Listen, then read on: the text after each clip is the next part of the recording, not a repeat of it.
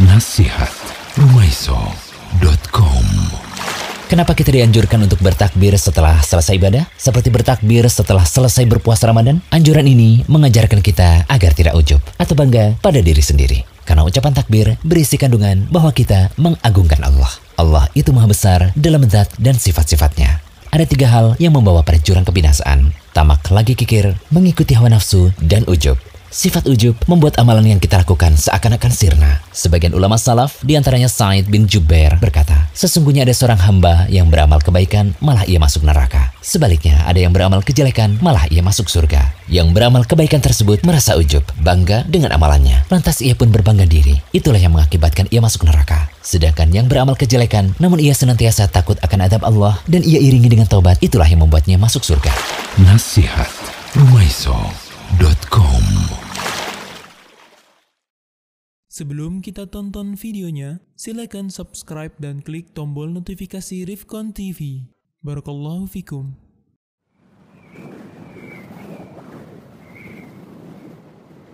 Maka mungkin kiat agar uj, agar hilang dari ujub bagaimana? Jawabannya adalah yaitu lihatlah orang yang lebih tinggi ibadahnya dibandingkan dia. Lihatlah orang yang lebih tinggi ilmunya dibandingkan dia. Nah, ini hilang ujubnya nanti. Ya, karena salah satu penyebab ujub adalah dia melihat ke bawah dalam perihal agama. Itu ujub. Ya. Oh, Pak Haji itu. Haji 10 kali ya Jepang. Ya, tapi hafalan Quran cuma tiga kul lawan inna ataina. Berarti masih masih mending aku kada pernah bahaji hafalanku tiga kul inna ataina lawan tabat yada. Sama aja tambahannya cuma tabat yada. Jadi melihat ke bawah ya. Ibadah melihat ke bawah. Nah ini penyebab ujub. Maka saya nasihatkan tips dan trik untuk menjaga agar tidak ujub adalah seseorang melihat ke atas dalam perkara ilmu agama dan ibadah. Yuk salurkan infak dan donasi amal jariah terbaik Anda untuk operasional. Ada orang-orang yang enggan bercerita tentang masa kecilnya. Sementara masa lalu itu perlu untuk dikenang. Dan awal kehidupan manusia lebih lemah. Bahkan dibandingkan dengan anak seekor kambing atau anak seekor ayam. Anak ayam keluar langsung bisa jalan. Langsung diajak cari makan sama ibunya. Anak kambing keluar langsung bisa berdiri. Kemudian dia berdiri menyusu dan berjalan bersama ibundanya. Kita lemah sekali. Keluar menyusahkan orang banyak. Setelah keluar tidak bisa berbuat apa-apa. Kita hanya bisa menangis. Berpindah dari tempat kita nggak bisa. Semuanya tergantung orang lain. Andai orang tua kita tidak perhatian sama kita, kita mungkin sudah menjadi bangkai. Ini yang masih kuat, yang masih muda, ingat tuh kekuatan dari Allah kau dulu pernah lemah. Sehingga ketika manusia ingat dengan masa lalu dia, insya Allah sifat sombong itu akan pergi. Malu sama dirinya. Kemudian dia bersyukur kepada Allah Jalla Jalal. Allah mengingatkan kita kepada masa lalu kita. Allah mengatakan dan Allah menciptakan kalian dari kelemahan. Kemudian kata Allah setelah kelemahan itu Allah kasih kekuatan sama kalian. Lalu Allah jadikan kau tua. Allah menciptakan apa yang dia kehendaki. Dan dia maha mengetahui dan maha kuasa.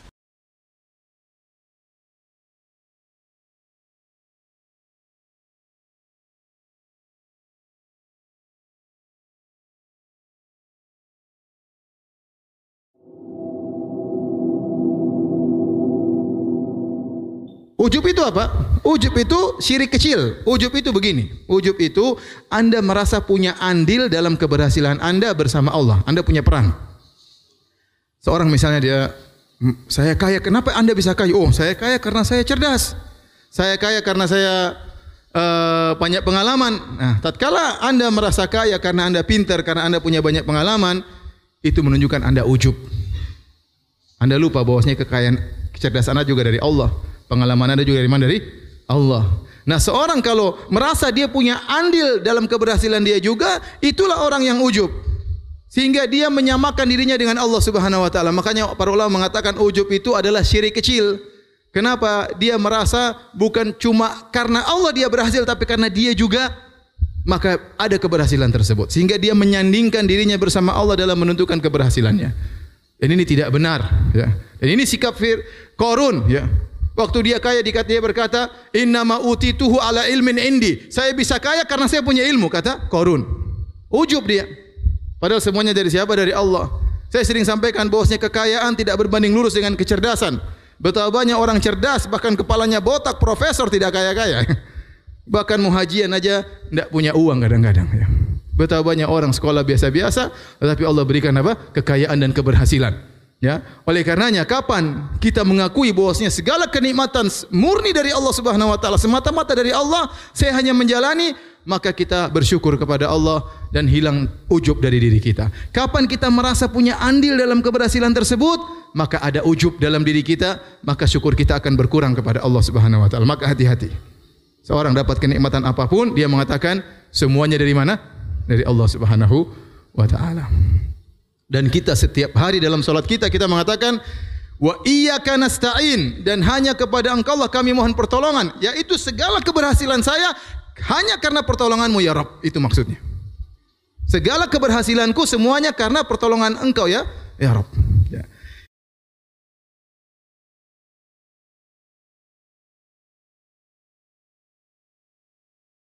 Donasi dakwah Yufid.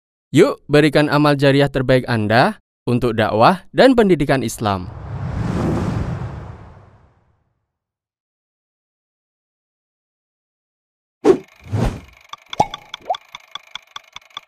Nah, salah satu di antara perasaan ujub ketika orang beramal baik kepada orang lain adalnya adalah munculnya perasaan kalau dia jauh lebih tinggi dan telah memberikan jasa kepada orang lain sehingga di saat yang sama dia menghinakan orang lain.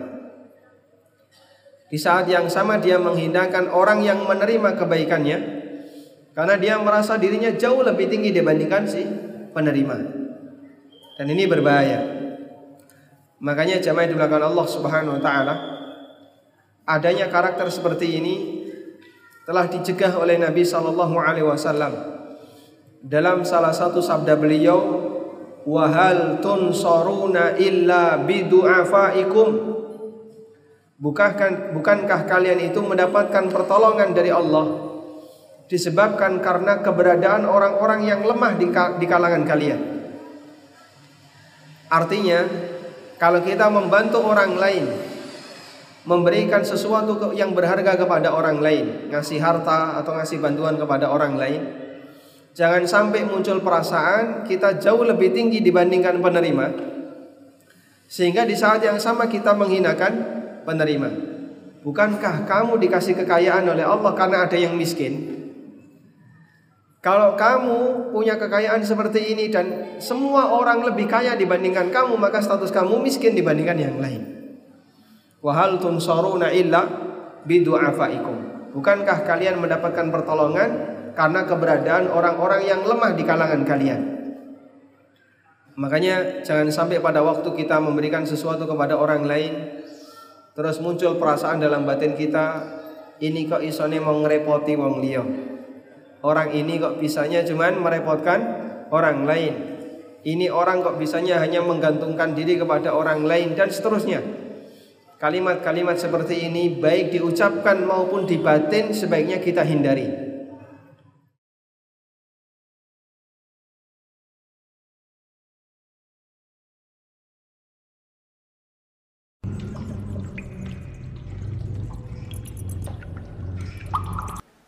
Ikhwani fillah akhwati fiddin azani Allah iyyakum. Ya. Uh, perlu saya ingatkan perbedaan antara ujub dengan sombong. Ujub dan sombong ini dua sifat yang berbeda, tetapi ujub merupakan hal yang mengantarkan kepada kesombongan. Ujub itu apa? Sebagaimana Syekhul Islam telah menyebutkan barang siapa yang mentahqiq mewujudkan firman Allah Subhanahu wa taala, "Iyyaka na'budu wa iyyaka nasta'in." Hanya kepada Engkaulah kami beribadah dan hanya kepada Engkaulah kami mohon pertolongan. Maka dia akan selamat dari riya dan selamat dari ujub. Barang siapa yang merenungkan firman Allah, "Iyyaka na'bud," dia akan selamat dari riya. Dia mengatakan hanya kepada Engkaulah kami beribadah ya Allah. Artinya kami beribadah bukan untuk dipuji, bukan untuk disanjung, bukan untuk dihormati. Ya, tetapi kami beribadah semata-mata karena mengharapkan ridhamu ya Allah. Yang kedua wa iyyaka nasta'in artinya ya Allah kami ini bisa hanya mengharapkan pertolonganmu. Artinya apa? Kami tidak berhasil kecuali dengan pertolonganmu. Barang siapa yang merenungkan ayat ini, maka dia akan selamat dari ujub itu orang merasa merasa bahwasanya dirinya punya peran dalam keberhasilannya. Ini namanya ujub. Dia merasa berperan tatkala dia kaya karena dia merasa dia pintar. Karena dia merasa dia berpengalaman. Dia berhasil dakwah karena saya cerdas dalam berdakwah sehingga dakwah saya berhasil. Ini semua ujub. Ini semua ujub. Oleh karenanya Korun orang yang ujub. Dia mengatakan inna ma utituhu ala ilmin indi. Saya dapat harta kenapa? Karena ilmu saya. Padahal semuanya dari Allah Subhanahu wa taala. Ya ikhwan, ya, kalau ternyata kepintaran itu mendatangkan kekayaan, maka tentunya semua orang pintar pasti kaya. Namun kenyataannya tidak. Tidak semua orang apa? Pintar itu apa? Kaya. Tidak semua orang IQ-nya tinggi apa? Kaya. Tidak semua orang ber, ber, ber, bertitel kaya. Bahkan ada orang yang tidak bertitel, tidak tahu apa-apa bisa jadi kaya raya. Ada orang yang tidak ngerti misalnya kalkulus, integral, tidak ngerti logaritma, hitung-hitung nggak ngerti. Tahu-tahu kaya gara-gara jualan bebek goreng. Kaya raya. Jadi bukan karena antum pintar, antum kaya. Tapi memang kepintaran dari Allah dan Allah menjadikan antum kaya. Ada yang bilang, saya kaya karena saya banyak pengalaman. Ya ikhwan, pengalaman yang banyak belum tentu menjadikan orang kaya. Ada orang banyak pengalamannya, tapi jadi anak buah terus pengalamannya. Enggak kaya-kaya. Dan tatkala seorang merasa dia punya peran karena kecerdasannya, karena pengalamannya, dia merasa hebat, maka situlah timbul sombong akhirnya. Ujub tadi mengantarkan dia kepada sombong. Sebagaimana iblis tatkala dia ujub dengan penciptaan, unsur penciptaannya terbuat dari api maka mengantarkan dia untuk apa? Untuk sombong. Jadi ujub bukan sombong, namun ujub mengantarkan kepada kesom kesombongan.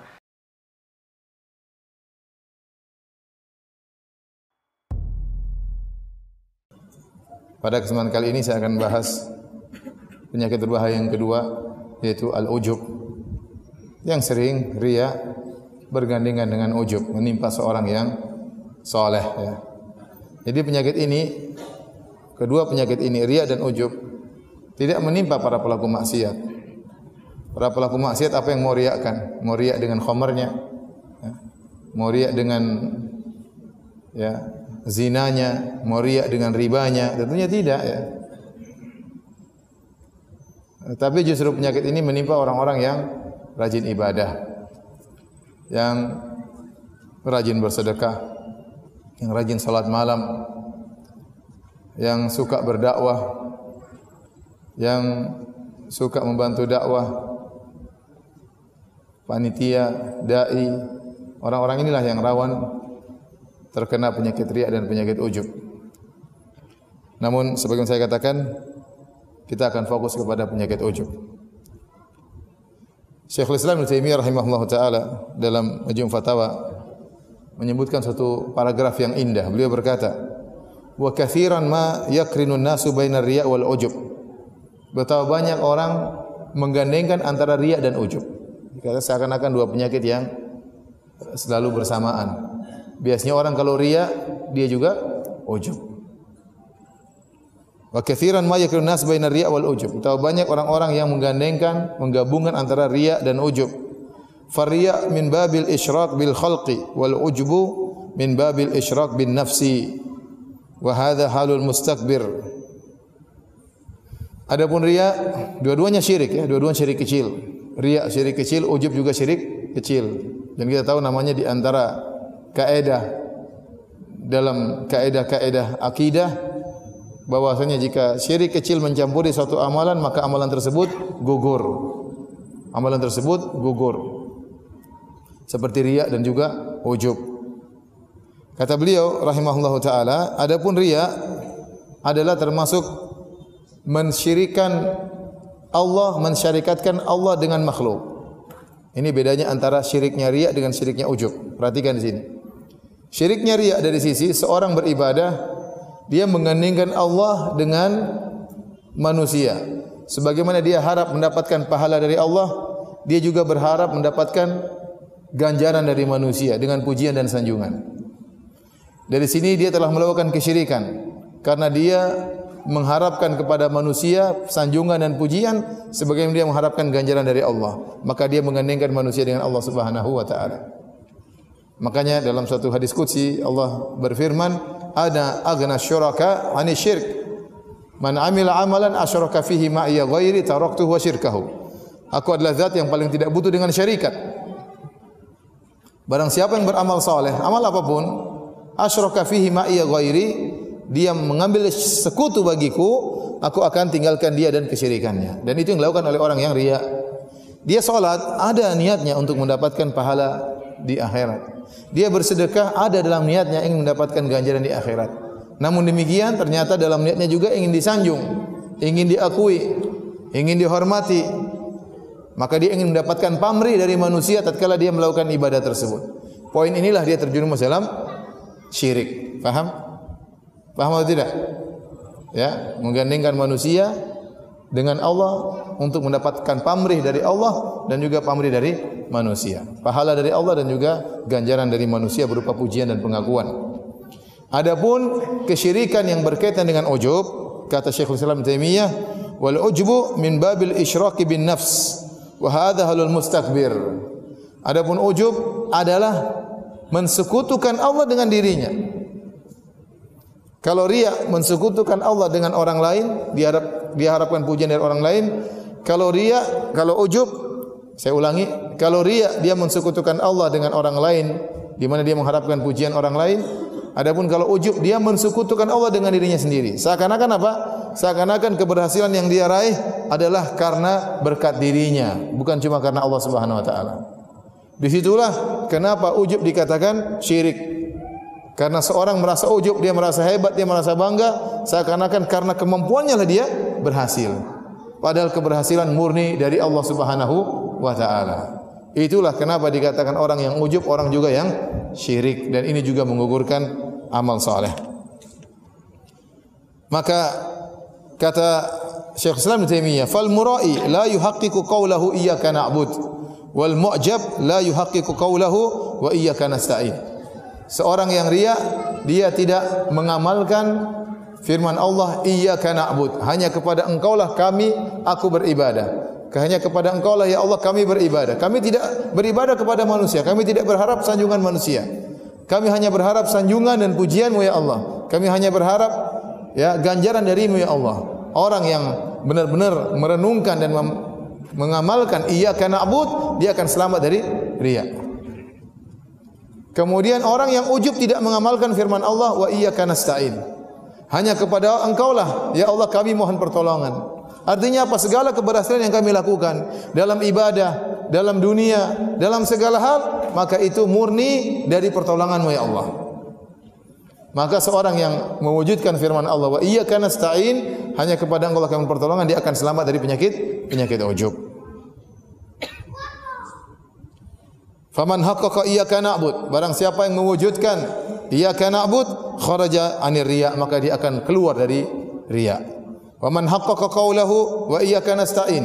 Dan barang siapa yang mewujudkan firman Allah wa iyyaka nasta'in dan hanya kepada Allah kepada Engkau lah kami mohon pertolongan, kharaja anil i'jab, maka dia akan selamat dari penyakit ujub. Wa fil hadis dan dalam hadis al-ma'ruf yang ma'ruf Rasulullah SAW bersabda, "Salasun muhlikat." Tiga perkara yang membinasakan syuhun muta'un wa hawan muttaba'un wa ijabul mar'i bi nafsihi. Tiga perkara yang binasakan kata Nabi sallallahu alaihi wasallam, yaitu pelit yang diikuti, pelit yang ditaati, rasa pelit yang ditaati, yang kedua hawa nafsu yang diikuti dan yang ketiga adalah seorang ujub dengan dirinya. Para hadirin yang dirahmati Allah Subhanahu wa taala, inilah penyakit yang berbahaya, penyakit ujub ya merasa dirinya sukses karena andil dia ya. Ini Penyakit terkadang menimpa sebagian orang. Tatkala dia dalam segala hal dia ujub. Dalam dunianya misalnya Firaun eh, apa Qarun. Qarun ujub dengan dirinya dia mengatakan innama utituhu ala ilmin indi. Saya ini berhasil karena saya punya ilmu. Jadi ini banyak orang tatkala dia berhasil dalam usahanya dia mengatakan karena saya pintar, karena saya banyak pengalaman, karena saya cerdas, karena saya belajar, karena saya sekolah. Dia lupa bahwasanya semua itu karena Allah Subhanahu wa taala. Kalau kecerdasan pasti mendatangkan kekayaan, berarti seharusnya orang semakin cerdas semakin kaya. Namun kenyataannya tidak. Kekayaan tidak berbanding lurus dengan kecerdasan. Betapa banyak orang cerdas sampai kepalanya botak tidak kaya-kaya. Yang tidak sekolah terkadang naik haji tiap tahun, umrah tiap tahun. Yang kepalanya botak ngumpulin duit untuk umrah nggak bisa-bisa. Ini kenyataan. Sampai ada seorang saya pernah berkata, kami berempat sekolah bareng, yang tiga di antara kami lulus, yang satu tidak lulus. Sekarang kami bertiga bekerja di orang yang tidak lulus tersebut. Itu kenyataan. Jadi tidak benar bahwasanya kekayaan itu pasti mendatang ke, kecerdasan pasti mendatangkan kekayaan. Tidak benar bahwasanya kecerdasan berbanding lurus dengan kekayaan. Semakin cerdas semakin kaya. Benar, kecerdasan sebab kekayaan, namun itu bukan penentu. Yang menentukan Allah Subhanahu wa taala. Demikian juga bukan berarti pengalaman yang banyak pasti mendatangkan kekayaan. Sebenarnya orang mengatakan karena saya banyak pengalaman akhirnya saya pun berhasil. Enggak. Banyak orang pengalamannya luar biasa, banyak pengalamannya enggak kaya-kaya. Kenapa pengalaman jadi anak buah terus? Di perusahaan ini punya pengalaman jadi anak buah. Perusahaan lain punya pengalaman jadi anak buah. Perusahaan lain juga jadi anak buah terus. Terus kapan mau kaya kalau begitu? Jadi para hadirin hadirat Allah Subhanahu wa taala terkadang terungkap ucapan-ucapan seperti ini dalam perkara dunia. Dia lupa bahwasanya segala keberhasilan karena Allah Subhanahu wa taala. Ini penyakit ujub. Demikian juga penyakit ujub dalam hal masalah agama.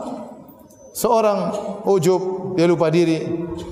Dia berdakwah, berhasil dia mengatakan kalau bukan karena saya, Orang-orang tidak akan datang ramai. Kalau bukan karena saya, dakwah akan terhenti. Kalau bukan karena saya, ya akhi tidak ada ente pun Allah akan jalankan dakwah Allah Subhanahu wa taala.